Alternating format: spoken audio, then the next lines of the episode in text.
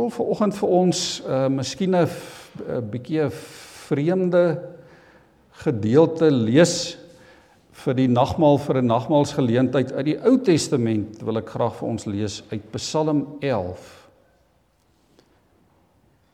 Psalm 11 uit die Ou Testament. Vir die musiekleier van Dawid. Ek skuil by die Here. Hoe durf julle vir my sê vlug na die berge toe soos 'n voël? Kyk, die goddelose span hulle bo en hulle lê aan met die pyl op die snaar. Hulle staan reg om uit die donker die opregtes van hart te tref. As die fondamente ondermyn word, wat kan die regverdige daaraan doen? Die Here is in sy heilige tempel. Die Here is op sy troon in die hemel. Sy oë is oop, sy oë keur die mense kinders. Die Here onderskei tussen regverdige en goddelose. Wie geweld liefhet, haat hy. Hy laat vuur en swaal reën op die goddeloses, 'n skreeuende wind. Dit is die beker wat hulle sal drink. Die Here is regverdig. Hy het die mense lief wat regverdig en opreg handel en hy sal by hulle wees. Net hierdie Psalm vanoggend as ons skrifgedeelte. Liewe gemeente, ons as as kinders van die Here, ons as gelowiges, as volgelinge van Jesus, ons bevind onsself baie keer in hierdie lewe in hierdie wêreld hier op aarde bevind ons onsself in in moeilike situasies. En of jy nou ryk of arm of man of vrou of kind of geleerd of minder geleerd is, daar is soms dinge waarmee almal van ons, elkeen van ons diep in ons hart, soos die Bybel sê, diep in jou siel worstel. Dit kan partykeer mense wees wat mos nou die lewe vir ons moeilik maak. Dit kan omstandighede wees wat jou laat wonder. Dit kan 'n skielike ramp wees, 'n siekte, 'n terugslag, 'n skielike krisis, dit kan die koronavirus wees.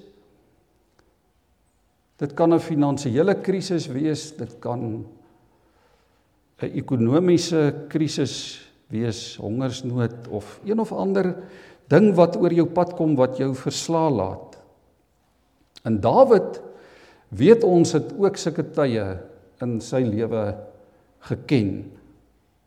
En Dawid skryf hierdie Psalm toe hy self in groot moeilikheid was. Dawid skryf dit toe hy gevlug het voor sy aardsvyand Saul wat hom agtervolg het om hom dood te maak. En Dawid beleef hierdie intense krisis. Eintlik is dit vir Dawid 'n bestaanskrisis. Dis vir hom 'n krisis, 'n stryd om lewe en dood. En nou sien ons ook hier maar mense het allerlei opinies oor hierdie krisis wat Dawid beleef. Party mense sê vir Dawid: "Jong, jy moet vlug. Jy moet maak dat jy wegkom. Vlug na die berge toe soos 'n voël. Vlug weg van Saul af, gaan skuil iewers, gaan kruip weg, verskans jouself dat hierdie vyand van jou jou nie kan bykom nie." En wat doen Dawid? Dawid sê ek skuil by die Here. Ek vertrou op die Here. As ek dan moet vlug, dan vlug ek na die Here toe. Maar dan is dit 'n vlug nie soos iemand wat wat bang is of iemand wat besig is om te verloor of iemand wat weghardloop nie. Dawid sê ek weet die Here is my anker. Die Here is my toevlug. Andrei Beckett het vanoggend in die konsistorie Psalm 91 gelees en dit sluit ook hierby aan. Dit wat hy beleef het in in 'n krisistyd toe hy self die afgelope tyd siek was in COVID in die hospitaal gelê het. Wat doen Dawid? Ek skuil by die Here. Iemand het vir hierdie Psalm 'n interessante opskrif gegee. Die opskrif die lied van die standvastige. Die lied van die standvastige. En standvastigheid beteken juis om in moeilike tye nog steeds hoe onverklaarbaar dit ook al vir die ongelowiges mag wees of mag klink om nog steeds 'n lied te kan sing. Om te sing terwyl alles rondom jou vergaan. Soos wat Paulus en Silas daar in 'n tronk in Rome in moeilike haglike omstandighede waar dit koud was en donker en hulle gebrek gelei het en hulle agtervolg is in kettinge gebind in 'n tronk in die middel van die nag lofliedere sing tot eer van die Here soos wat Paulus aan die einde van sy lewe kom In daan 2 Timoteus 4 het hy hierdie ongelooflike belydenis waar hy sê ek het die goeie stryd gestry. Ek het gelowig end uit volgehou. Ek het die wenstreep bereik. Nou wag die oorwinnaarskroon vir my, die lewe by God in die hemel. Ons kan hierdie Psalm eintlik in twee dele verdeel. In die Bybel is daar ook 'n is hy geskryf in twee paragrawe. Die eerste 3 verse sê iets van oor dit wat Dawid se geloof getoets het. Dit sê iets van hierdie beproewing wat Dawid beleef het. En dan die tweede deel van vers 4 tot vers 7 ontmoet ons die persoon op wie Dawid vertrou het. Die persoon op wie hy sy geloof gebou het. Broers en susters, daar kan baie toetse oor oor jou en my lewenspad kom. In te midde van toetse, te midde van al die uitdagings, te midde van omstandighede kom sê die Here vir oggend, moenie klein gelowig wees nie. En kom ons sê dit ver oggend ook vir mekaar, terwyl jy en ek op hierdie aarde is, gaan die toetse nie minder word nie. Terwyl ons in hierdie lewe op hierdie aarde is, gaan die toetse nooit ophou nie. Om in geloof te lewe vat nie die toetse weg nie. As jy en ek ver oggend dink dit moet altyd goed gaan solank ek net glo dan is ons eintlik baie naïef in ons geloof. Dan is ons klein gelowig. Want jou en my geloof word juis getoets elke dag van ons lewe. Ons geloof gaan vandag getoets word. Ons geloof gaan môre getoets word en deur die loop van die week en in hierdie tyd in hierdie wêreld waarin ons leef. Heel dikwels word ons geloof ook getoets deur mense. Deur dit wat mense sê en dit wat mense doen. Partykeer selfs ook deur mense wat omgee. Mense wat dalk vir ons lief is. Mense wat dalk vir ons wil raad gee. Sjoe, ek ek dink in hierdie tyd beleef ons daai daai om getoets te word deur mense op 'n ander manier baie intens nê nee, want jy jy gaan op jou Facebook bladsy en jy word getoets. Jy kry 'n WhatsApp boodskap en jy word getoets. Ons word getoets deur al die valse nuus en berigte wat ons hoor. Ons word getoets deur deur goeters wat ook waar is wat ons hoor. Elke aand 7 uur as ons na die nuus op TV kyk, dan word jy getoets. en partykeer ook deur mense wat vir ons omgee. Hoor wat sê die mense vir Dawid? Dalk was dit sy vriende waarskynlik.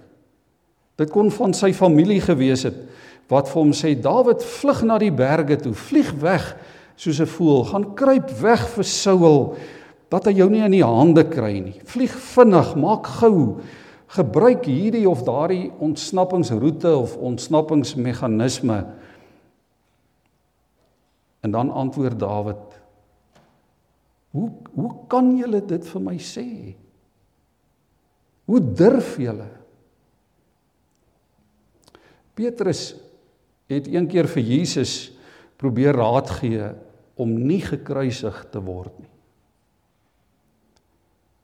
In daan Matteus 16 vers 23 lees ons Jesus het onmiddellik gaan staan en hy het omgedraai en vir Petrus gekyk en hom skerp aangespreek. Hy het vir hom gesê: "Gaan weg agter my Satan, want jy's vir my 'n struikelblok."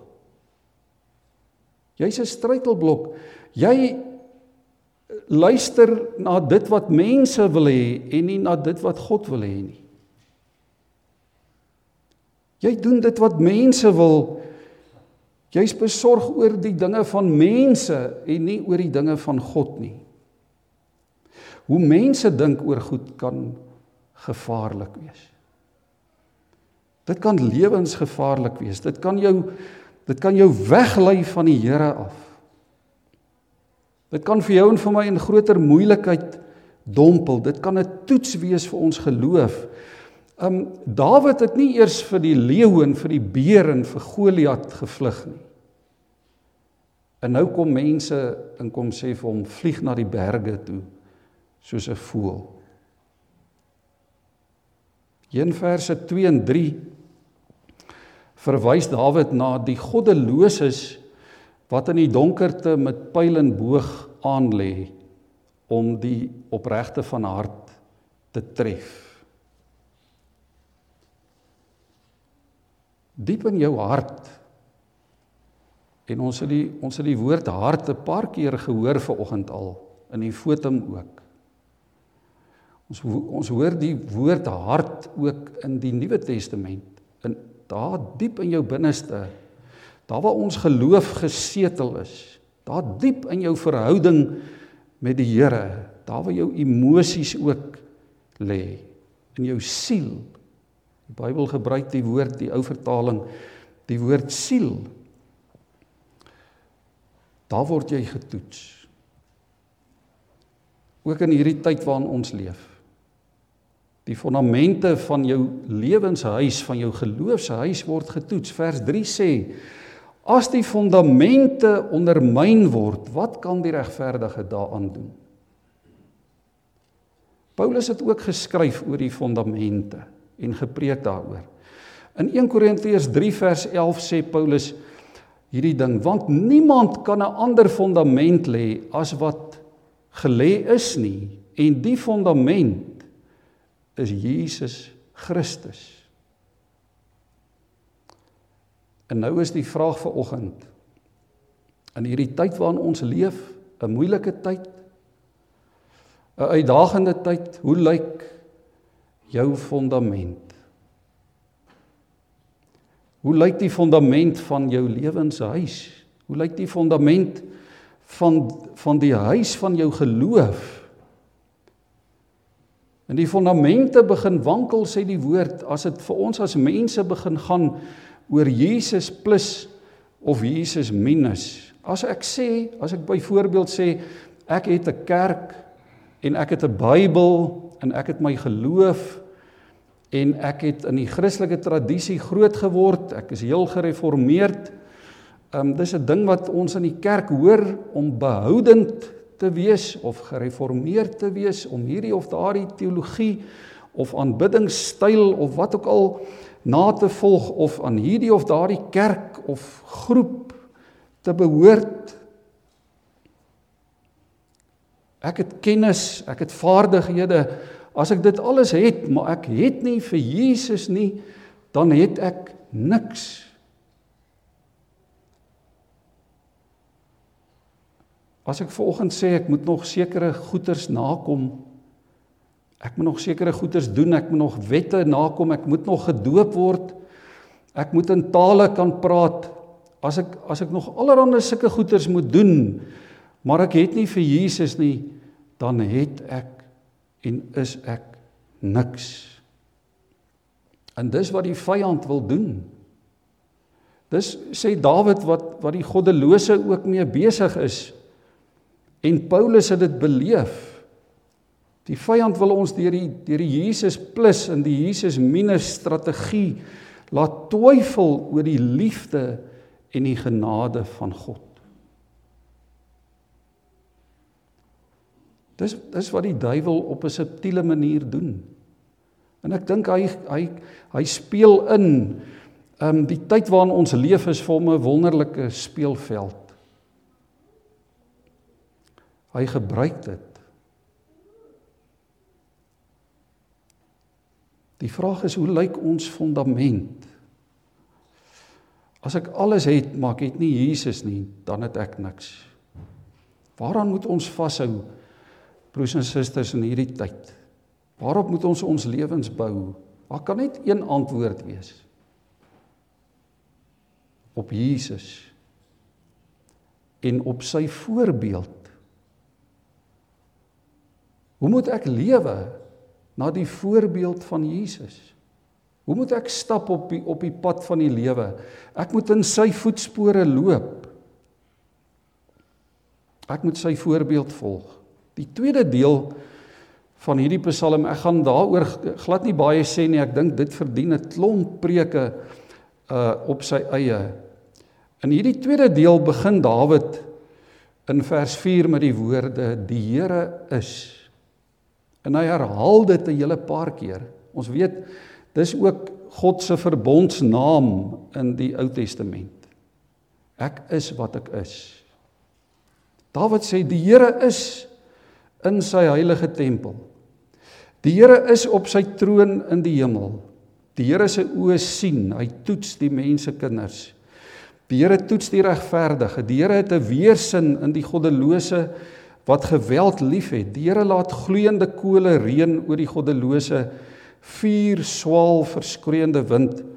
Dit is die beker wat hulle sal drink. Die Here is regverdig. Die Here is lief vir die regverdige. Die Here is by die opregte. Dawid ontdek daar's 'n persoon. Daar's iemand op wie ek met my hele hart, met my hele siel kan vertrou. Daar's iemand op wie ek my lewe kan bou, die Here.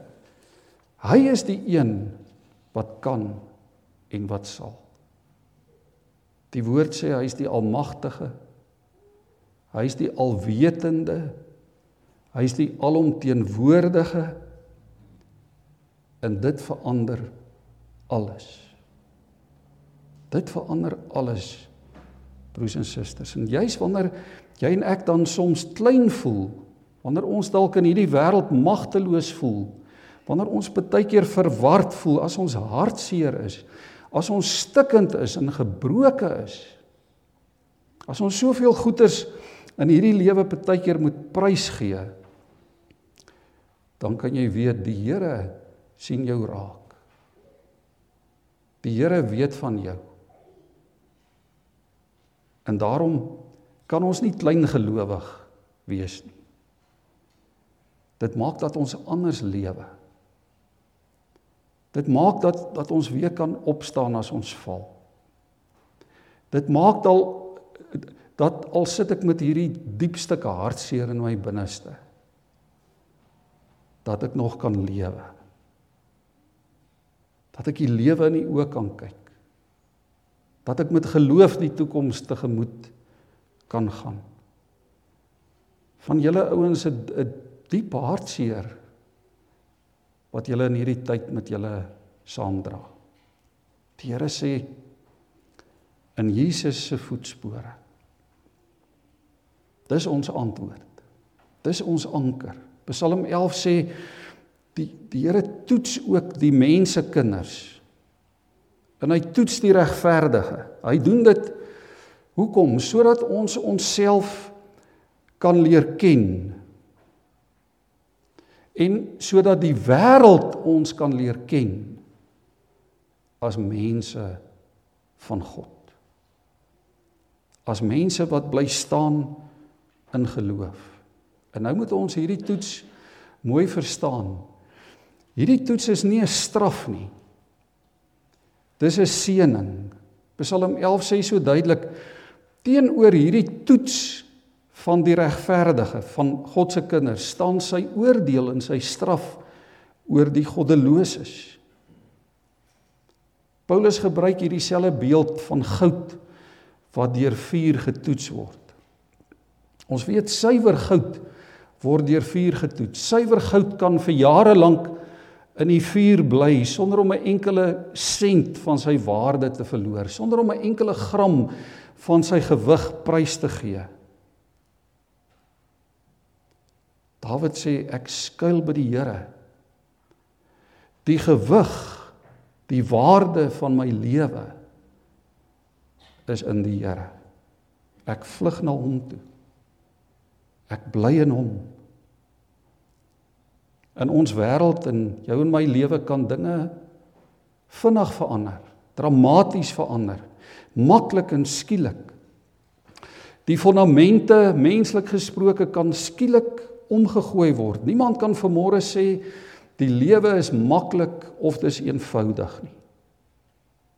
Die die groot vraag is gaan ons met dit wat ons het en dit wat ons beleef die almagtige God vertrou.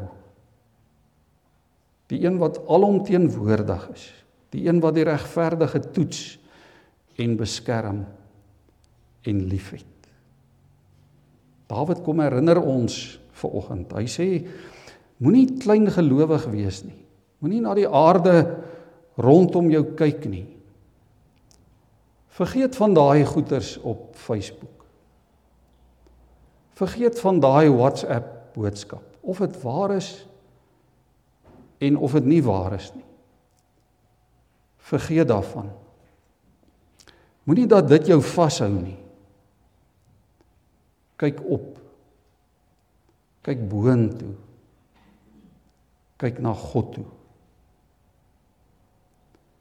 Broers en susters, kom ons sê dit ook maar vir oggend vir mekaar. Die vraag is nie moet ek my laat laat inent of moet ek my nie laat inent nie. Dis nie die tipe vraag wat ons moet vra in hierdie wêreld waarin ons lewe nie. Die die vraag wat ons moet vra is nie is die koronavirus mensgemaak of is dit nie mensgemaak nie. Die vraag wat ons moet vra is nie was dit my geliefde se tyd om te gaan of was dit nie sy tyd om te gaan nie. Daar's nog miljoene sulke vrae wat ons kan vra. Die vraag is hoe lyk my fondament? Hoe lyk die huis van my geloof? Hoe lyk my verhouding met Jesus die Here? Volg ek sy voorbeeld? Amen.